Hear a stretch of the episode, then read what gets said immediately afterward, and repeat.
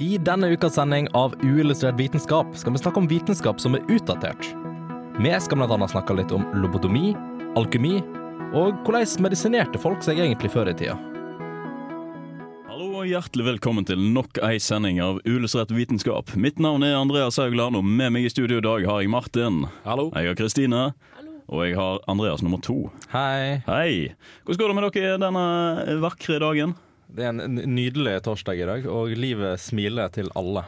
Gjør du det? Gjør du virkelig det? Ja, absolutt alle. Veldig optimistisk, for å si det sånn. ja, nei, hva Har du en fun fact dere vil dele med noen? En fun fact? Jeg er ikke med noen fun fact i dag. Har du med en fun fact? Nei, Jeg har ikke det. Da kan jeg komme med fun facten som jeg nettopp hørte. Ja, sweet. Og det er at eh, de med Downs syndrom de har større sjanse for å utvikle Alzheimers sykdom fordi de har et ekstra kopi av kromosomet med genet for Alzheimers sykdom på seg. Og hvilket kromosomnummer er det? 21. Dame. det var ikke så veldig fun, men det var en fact. Det var en fact, en fun fact. Og hvis du vil være den kuleste på festen uh, til helgen, så tar du og bruker nettopp den fun facten her. Vi skal da videre. Uh, dagens sending skal vi høre mye om teknologi og vitenskap som er utgått. Uh, før vi kommer så langt til dette her, skal vi høre Svake gutten med Hjelp. Du hører på Radio Revolt, studentradioen i Trondheim. Humoralpatologi er en veldig spennende teori som omhandler menneskets anatomi og kroppslære. Det er en teori som folk trodde på i over 2000 år, så da må det jo gi litt mening. Uh, mm. Det hele starta i antikken. En magisk tid hvor enkelte trodde at lyset fra øynene dine fungerte som en slags usynlig laser som innhenta seg informasjon. Ja, vi er der. De gamle greske filosofene hadde en filosofi om at alle ting var oppbygd av fire grunnelementer. Ild, vann, luft og jord. Disse fire elementene var representert og gjenspeila av milten, leveren, hjernen og hjertet. De fire kroppslige væskene som de mente dominerte kroppen, var gul galle, sort galle, blod og slim. Alle mennesker hadde dette i seg, og dersom de ikke sto i balanse med hverandre, betydde det at man var syk. Dette vil si, den væska som var dominerende i kroppen din, bestemte hvilket temperament og hvilke karaktertrekk du hadde. De fire karaktertrekkene man kunne ha, var som følger. Oppfaren koleriker, der gul galle dominerte, vil si at man var praktisk, viljesterk og et modig menneske. Depressiv melankoliker, at svart galle dominerte, betydde at man ofte var trist, og at sjelen var på uveie. En oppstemt sangvinniker, at blod dominerte, symboliserte ofte at du var munter og en ganske glad person. Og til slutt den trege flegmatikeren, som vil si at slimet dominerte kroppen. Dette ligger litt i navnet og vil si at man var treig og ettertenksom. Som nevnt så varte denne teorien i over 2000 år, fra rundt midten av antikken til midten av 1800-tallet, før han ble fjerna av cellularpatologien, som logisk nok bygger på at cellene våre er byggestein for resten av kroppen. Men 2000 år med en tro om at væskefordeling var roten til et godt liv, førte selvsagt til utvikling innenfor medisin. Du kan ikke se det, men akkurat nå så har jeg store hermetegn når jeg sier medisin. Som man kan anta, så gikk mye av medisinteorien på den tida her ut ifra å balansere disse stoffene. Legene og medisinmennene ville finne ut hvilke stoff det var for mye av, for så å fjerne deler av det. Eksempler på dette her er årelating, som gikk ut på å tappe ut blod direkte fra blodårene. Dette kunne også gjøres med igle. Andre metoder for væskefjerning kunne bestå av tarmgift, som ble brukt som et avføringsmiddel, eller andre stoffer som kunne fremkalle brekninger.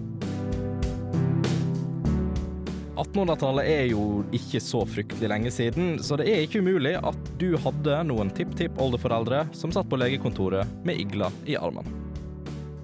This is Alan Moore, and you're listening to Unillustrated Science. Hjertelig velkommen tilbake til oss, og takk til Alan Moore for den introduksjonen der. Ja, det var jo humoralpatologi. Eh, et ganske morsomt uh, studie, da, for å si det sånn.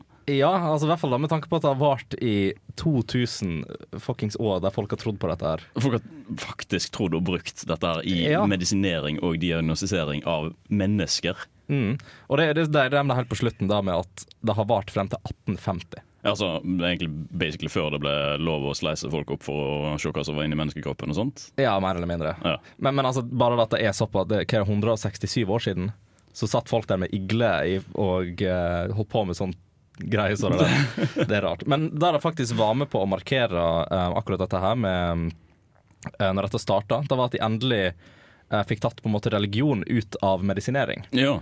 Veldig rart, ok, de, Nå kan de ikke lenger sitte og be en fyr og håpe at han overlever, men de kan faktisk prøve å gjøre et eller annet. det er jo noen som gjør det fremdeles i dag, da. Ja, ja, ja. ja.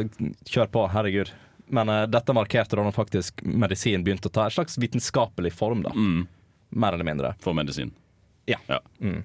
Eh, men det har jo òg vært, altså både tidligere og samtidig i antikken, så har det vært veldig mye forskjellige måter å prøve å medisinere folk på. ja.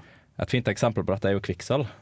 Kvikksølv det høres jo uh, veldig sunt og helse, ikke helsefarlig i det hele tatt ut. alle- alle liker kvikksølv. Ja, ja, Det er bra for Godt for kroppen. kroppen, bra for tennene, neglene, hårene. Ja. Eneste problemet er at det er super fuckings giftig. Eh, Bortsett fra det, da. Ja. Eh, men det ble brukt mye i eliksirer mot, mot alt. Mhm. De, ville, de prøvde alltid å finne en grunn til å ja, Få i deg kvikksølv? Ja, egentlig. Det var mye sånn vidunderstoff i gamle dager. Ja, det var jo det. Uh, og da, de trodde jo at spesielt den typen uh, kvikksølv som heter rød kvikksølvsulfid Mhm. um, De trodde at den var i stand til å kunne øke levealderen din. Da. Og det er jo en historie fra en, en sånn kinesisk keiser som uh, reiste rundt, og, eller han fikk folk til å reise rundt foran, der de skulle lete etter en måte å få han til å leve evig på. Ja. Og så ga de han dette her røde kvikksølvsulfidet. Og så døde han. Merkelig. Så Who would have da, known? hvem hadde trodd?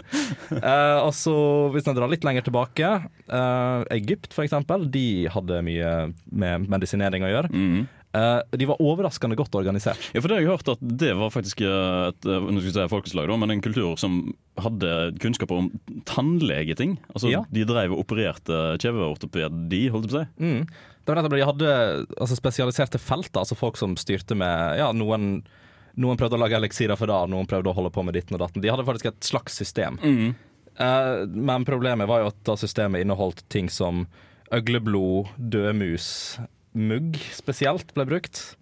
Ja. Um, mugg er jo ikke noen sånn dårlig ting. Tidlig penicillin.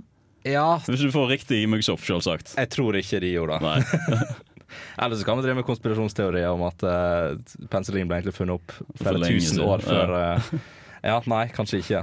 Um, og så hadde de òg en eller annen De, hadde, de, har, funnet da Mm. at hestespytt skulle tydeligvis øke fertilitet og sexlyst. Mm. Ja. Så det- Nå, ja. Hvis du da konsumerer hestespytt, er det det som er greia? Ja, Ok. du skal konsumere det, eller eventuelt da bruke det i en eliksir. Ja, ja. Eh, mye avføring var selvfølgelig brukt i eliksirer da på den tida. Oh. Mm.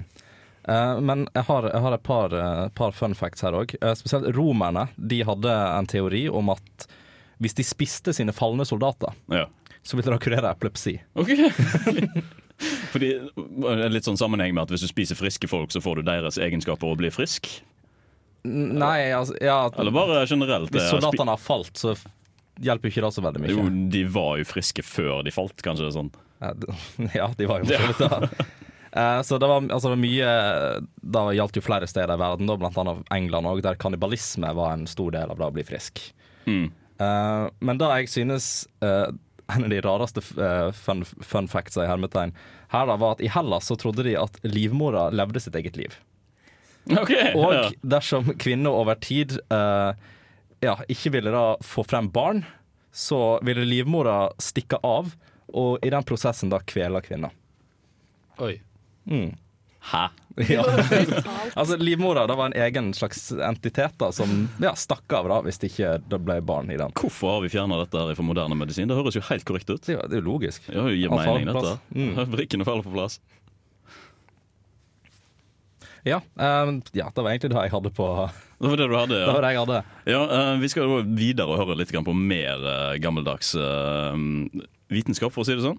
Eh, før vi kommer så langt, så skal vi høre 'Already There' av Ari. Og det neste vi skal høre deretter, er alkemi. Hello, I'm Lynn Rothschild from NASA Ames Research Center, and this is Unillustrated Science.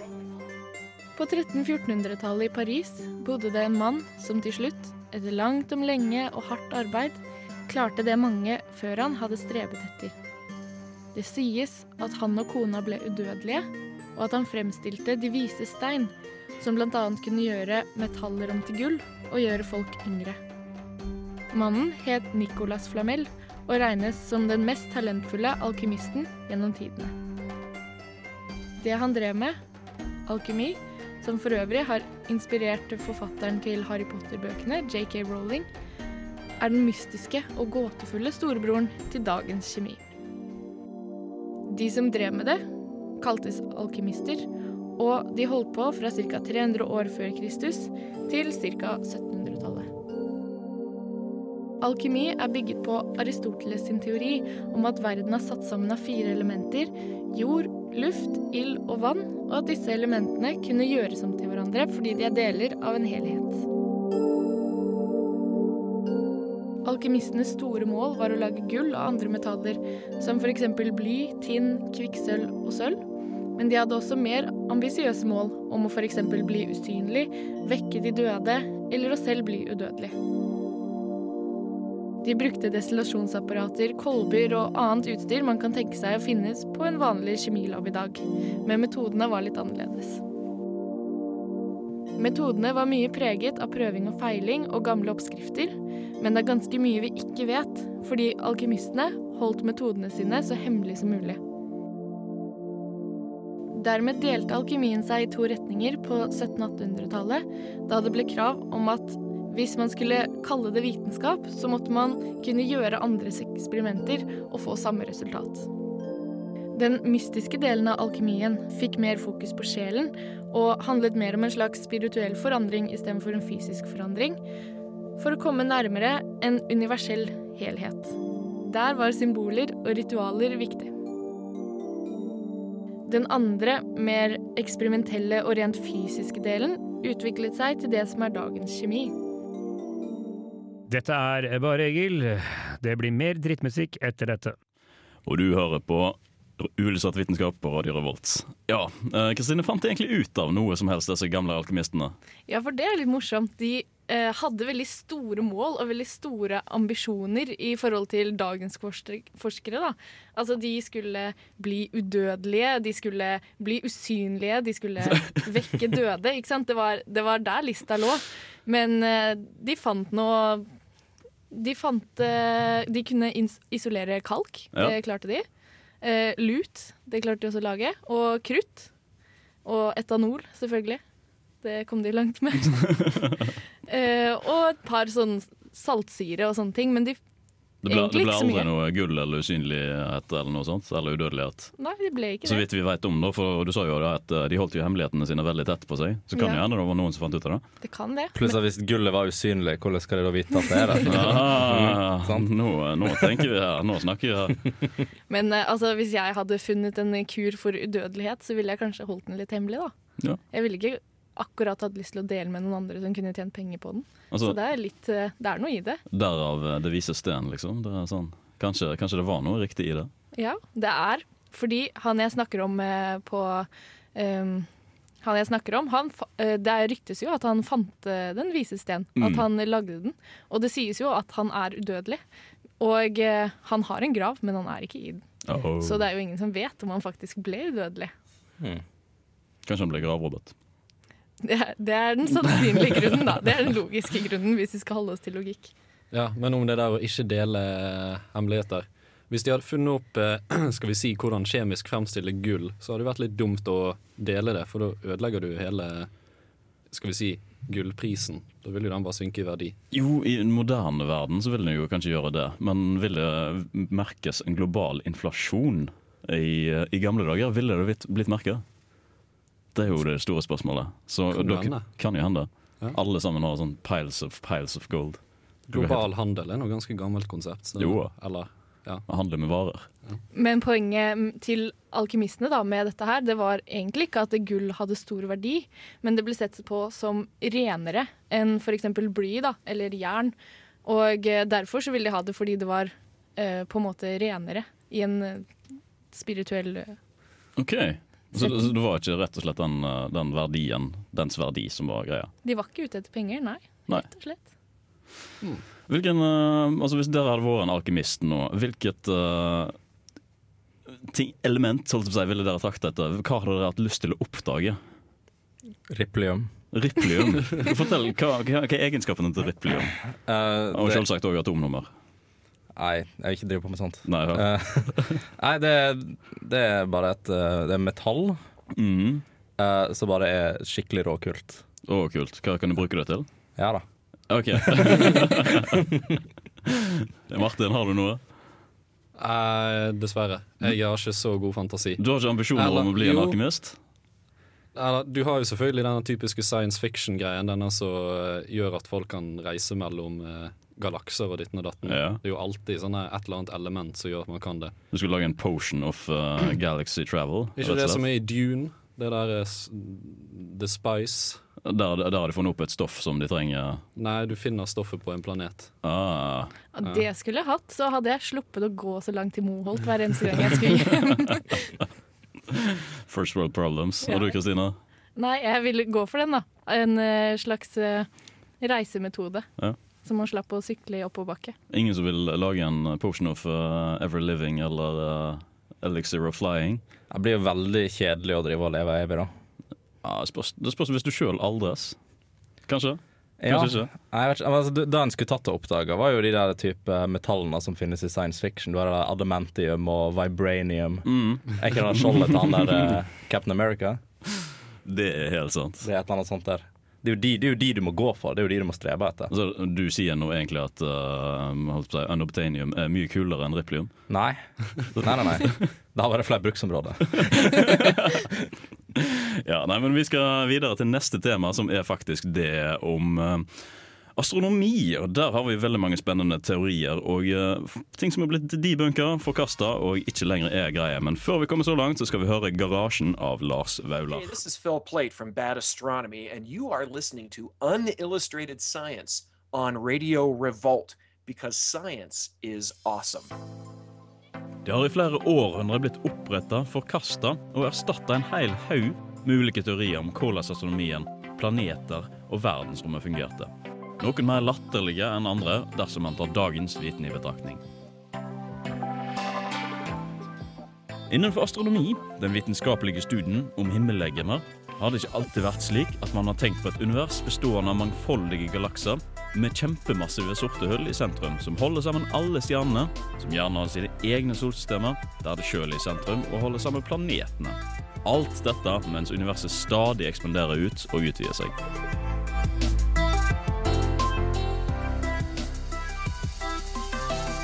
I det hele tatt, før man kunne observere, måle og teorisere noe som helst med gammeldags primitiv optikk, ble teoriene fokusert på kun vårt lille solsystem, altså det man kunne se av det, samt de synlige stjernene. En av de eldste og kanskje mest kjente utdaterte modellene for modellering av solsystemet vårt er den geosentriske modellen, eller også kjent som det petolomeiske verdensbildet. Her har vi jorda i sentrum, mens sola, månen og alle stjernene og planetene sirkulerte rundt jorda. Denne modellen tok for seg at himmellegemene var sfæriske, og at alle planetene gikk i sirkulære baner og ikke elliptiske. Den var også tatt i bruk helt fram til tidlig moderne tidsalder, og ble ikke erstatta før rundt 1600-tallet, der den ble utfasa av den heliosentriske modellen fremstilt av Copernicus, Galileo og Kepler. Den heliosentriske modellen er noe som ligner mer på dagens modell. Her har vi sola i sentrum, med planetene rundt i bane. Denne modellen, representert av Kopernikus, leder ut til den koperniske revolusjonen, som erstatter det ptolemeiske bildet. Revolusjonen fortsetter med utvidelser av modellen gjort av Johannes Kepler, som innførte elliptiske baner for himmellegemene, og Galileo Galilei som fremviste beviser for nettopp dette ved hjelp av observasjoner gjort med teleskoper.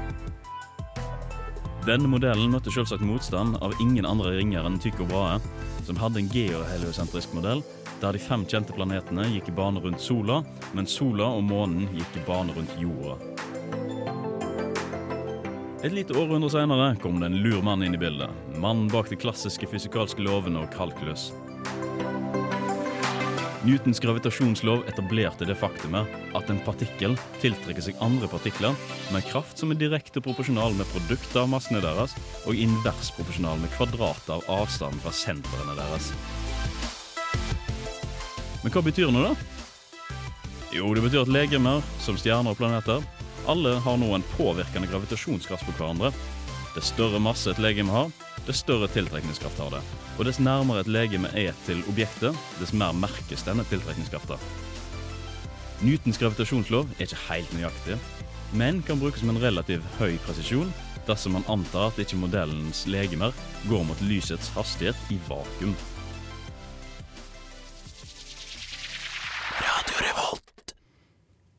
Ja, og det astronomi er jo faktisk et ganske gøyalt eh, tema. Og du lærer jo om det på barneskolen, på ungdomsskolen, på videregående, i historiefagene, der du går innom særlig det med mm, revolusjonen eh, altså på 1400-1500-1600-tallet, da, da når vitenskap begynte å bli litt grann sånn smått moderne, for å si det sånn. Uh, det var jo I all astronomi så er det kjempetidlig etablert at jorda og de fleste himmellegemer er sfæriske. Så tidlig som tre århundrer før Kristus så ble det etablert i, hos grekerne at dette var tilfellet. da. Og da har de jo tatt det i bruk i nesten all modelleringen som de sjøl har laga. Det er ganske morsomt hvis du ser på noen av uh, hypotesene og teoriene som de hadde om hvordan det var modellert. Det er en der uh, de tar for seg at uh, jorda er en, et sylindrisk utsnitt i sentrum, som hold, holdes oppe i sentrum av alt. Og så går resten av planetene festa på hjul som svinger rundt jorda. Mye sånne teorier som dette. Eh, men til- det geosentriske bildet, da, så er det jo snakk om at vi har jorda i sentrum, og alle legemer går rundt det i eh, sirkulære baner. Dette er det som er etablert. Uh, og det var da to observasjoner som støtta dette her. Det første var det at alle legemer på jorda, alle legemer du så fra jorda, dvs. Si stjerner og planeter, gikk jo i bane rundt jorda og dukka opp én gang hver dag. Sånn at de tenkte ja, ja, men da er det jo logisk at uh, ja, ja, alt beveger seg rundt der. Og så den andre er at uh, når du står på jorda, så kan du ikke se at jorda er det som beveger seg. Alt annet beveger seg rundt. Og det var da praksisen uh, som ble brukt nesten helt fram til 1600-tallet. Um, stjernene bevegde seg jo i en akse fra nord til sør i et sånt, litt sånn belte, på en måte, og så sola fra øst til vest rundt jorda. Um, ja, altså kommer det inn til det heliosentriske verdensbildet. da Det, ikke, det var ikke akkurat nytt på 1600-tallet at det var faktum. Det var teorier og uh, modeller, modeller der det var sola i sentrum tidlig. kjempetidlig. Faktisk uh, På ett punkt så sto det så tidlig som rundt når jorda, jorda ble etablert sfærisk.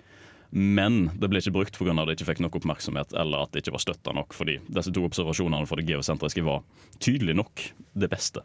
Ja, altså, det, var mye, det var mye sånn det var på den tida. Altså, ja, innenfor alle, all vitenskap, egentlig. Det var ord mot ord i veldig mange tilfeller. Ord mot ord i aller største grad, og det endra seg jo stort sett ikke før trykkpressa og eh, det ble enklere å trykke opp ting og printe ting og spre medier eh, som kom rundt omkring. Og det var jo det som bidro og akselererte den eh, koperniske, kopernikuske eh, revolusjonen som skjedde da når eh, det heliosentriske bildet ble etablert. Ja. Men altså, det er jo ganske Det er en ting at man har en tendens til å se seg selv i en, sette seg selv i en større rolle enn det man egentlig har. At man tenker at man er på en måte litt sentrum av universet, men man er egentlig ikke det. Det er jo en psykologisk prinsipp, det òg, da. Ja, at alle, alle vitenskapsmenn tenker at nei, jorda er så viktig, vi, vi er i sentrum. Og det som er greia, liksom. Ja, og sånn individmessig òg, da. Man har en tendens til å se på seg selv som viktigere for omverdenen, for samfunnet, for de du, som er rundt deg, enn Ja. det du egentlig er. Denne protagonistsyndromet, eller hva det heter. Ja, jeg tror det var du som fortalte meg om det. Ja, jeg, jeg tror kanskje det var det. Det er bare at du Man tror så mye Man har så høye tanker om seg sjøl, egentlig, i underbevisstheten, at man bare tror at man er i midten av alt. Mm. Det danner jo grunnlaget for veldig mange teorier. Ja, det er nettopp det det Ja. gjør. sant? Men det er jo, eh, som vi, som nevnte så smått her, så er jo den eh, newtonske mm, modellen for å si det hermetegn, den er jo ikke noe som vi kan bruke på absolutt alt. For vi har jo eh, relativitetsteorien osv. All mange sånne moderne teorier som har ikke, ikke helt erstatta det, men eh, komplementert det, da, for å si det sånn. Mm. Ja, ja, ja. Bruke Newtons regler, ikke leger, men regler og lover som base for det, og så er det etablert med Uh, andre faktorer som tar hensyn til lysets hastighet i vakuum osv. osv. Men det, det kunne du jo ikke måle før, da. Altså, nei, nei, greia det var er jo selvsagt. Hvis du skulle kunne tenke deg å måle avstanden til en stjerne, så hadde du vært nødt til å stå på to fjelltopper som var sånn passe langt unna hverandre, og så måtte du regne med trekanter, da. Og eh, det var faktisk noen som gjorde det, men det var jo en utrolig tungvint måte å gjøre ting på. Ja. Du kunne jo ikke finne ut så mye om verden, egentlig. Måtte gå langt, da. Det er helt sant. Det, jeg skjønner ikke helt hvordan de klarte å se for seg stjernene altså, i forhold til et verden, um, solsystemperspektiv på den tida. Fordi det var umulig å måle noe selv som det, gjerne før da, teleskopet og Galileo Galilei eh, kom inn i bildet. Så Det er ikke løye at de tenkte seg for at dette var et sfærisk belte som gikk på en måte rundt på yttersida av de planetene de klarte å observere. Mm. Et annet um, eh, verdensbilde som er litt gøyalt, er jo det geoheliosentriske bildet som uh, Tycho Brahe eh, kon konkurrerte da med det heliosentriske bildet. Det var Mm. samtidig. Så han kon konkurrerte med Copernicus om dette bildet der jorda var i sentrum.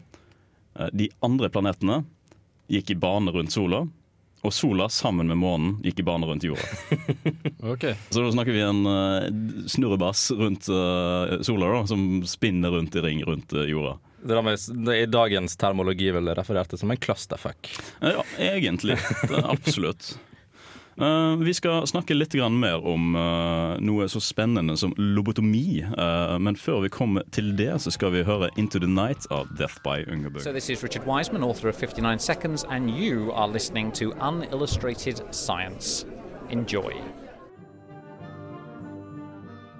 Som nordmenn har vi gang på gang vært verdensmestere. Vi har vunnet på ski, i rallybilen og sikkert mange andre steder. Men når det gjelder verdens mest lobotomerte befolkning, må vi klare oss med en andreplass. Frem til slutten av 60-tallet hadde minst 2500 psykiatriske pasienter blitt lobotomert i Norge. Kun Danmark fikk en høyere andel av befolkningen sin lobotomert. I ettertid har vi kanskje innsett at det ikke var den mest positive listen å toppe. I 1935 lanserte den portugisiske nevrologen Egas Moniz metoden lobotomi. Metoden gikk ut på å skjære over de hvite hjernefibrene mellom pannelappene og mellomhjern. Hensikten var å kurere psykiatriske pasienter ved å kutte forbindelsen mellom den syke delen av hjernen og resten av hjernen. Problemet var at dette svært ofte gikk på bekostning av pasientens personlighet og intellekt. I tillegg var det en rekke andre symptomer som varierte veldig fra person til person. Likevel bestemte Norge seg for å ta i bruk metoden, og i 1941 ble Norges første lobotomi utført på Gaustad sykehus. Syv år senere ble det bestemt at prøveperioden var over, og at lobotomi skulle være standard praksis på Gaustad, til tross for at rundt hver tredje pasient omkom som følge av operasjonen. I 1949 ble Egas Moniz tildelt nobelprisen i medisin. De tilfeldige resultatene, store skadene og mye kritikk ledet til at lobotomi ble faset ut på verdensbasis i løpet av 1970-tallet. Og i 1996 ga Stortinget tilbud om en billighetserstatning som ledet til at flere hundre lobotomerte fikk økonomisk erstatning. Hi, this is James Grime from Numberphile, and this is Unillustrated Science. Lobotomi er jo spesielt noe som er helt hinsides å tenke på. Det er en ufattelig grotesk handling mot menneskekroppen og menneskesinnet, egentlig. Ja, det er jo det. Det er veldig sånn, eh, hva skal jeg si, nesten litt sånn primitivt. Fordi måten, Særdeles primitivt. ja, for måten de gjorde det på eh, Nå anbefaler jeg at sensitive lyttere ikke følger så godt med, kanskje. Men det var i hvert fall at de tok eh, skal vi si, sånn hånddrill, sånn som man ofte har i, eh, på verkstedet sitt. Og så drilte de et hull skal vi si, litt over tinningen. Og da hadde de jo på en måte tilgang til hjernen, til fremre del av hjernen, der de ofte drev og opererte. Og da kunne de på en måte rote litt inni der for å liksom fjerne Skal vi si kutte over de her hjernefibrene. Men problemet med den metoden, uh, som han uh, en som het For denne metoden her var utviklet av Jeg må bare se litt på arket mitt her, fordi jeg er ikke så flink med navn. Av Walter Freeman, uh, en nevropsykiater, og nevrokirurg James W. Watts. Den metoden ble utviklet av de to. Men Freeman var ikke helt fornøyd, for problemet med den metoden var at den trengte kirurger og et sted å utføre operasjon. Det hadde de ikke på psykiatriske sykehus. Nei, så da måtte de innføre det òg, da? Eller var det Nei, de måtte finne på en ny metode. Og det de gjorde da, var at de, eh, etter litt forsøk med sånn ishakker og sånne ting, på oh. dyr og sånn, Eh, så kom de fram til Hvis du tok to sånne litt sånn strikkepinneaktige instrument, og så satt du de inn i eh, sånn litt over øyet, fordi beinet bak øyehulen er mykere enn Mhm. resten av skallen, så var det da litt vinkel opp, og så tok de og satt den, hamret den inn der, og så rotet litt rundt. Og det er jo Ja. Det er nesten litt, så- det er så vondt å tenke på, kan man si. Altså, Altså, når vi snakker om lyttere som burde stikke av og uh, føle seg litt følsom for dette, så føler jeg litt for at jeg er innenfor den kategorien. akkurat Ja, her. det er litt samme her. Sånn små cringe og bare stå og høre om det. Men altså, jeg tipper vel da at disse typ drilling og strikkepinner og alle andre gøy, det ble ikke utført noe særlig sånn type narkose? Nei. Ikke så jeg vet om, i hvert fall. Okay. Um, men det handler vel litt om at uh, man har jo ikke akkurat noe nerver i hjernen som føler smerte. Når du først er kommet på det punktet der du driver med lobotomering, tenker du på? Ja. Ja. Og det er jo kanskje en fordel å ha pasienten våken, siden hvis du gjør noe fryktelig gale, så merker du det i hvert fall. Sånn, hjernekirurgi utføres jo mens pasienten er våken, har jeg Mm. hørt. Ja. Eh, kanskje de tenkte litt det samme den gangen òg. Men eh, det skulle jo være noenlunde kontrollert, men det høres jo ikke helt sånn ut.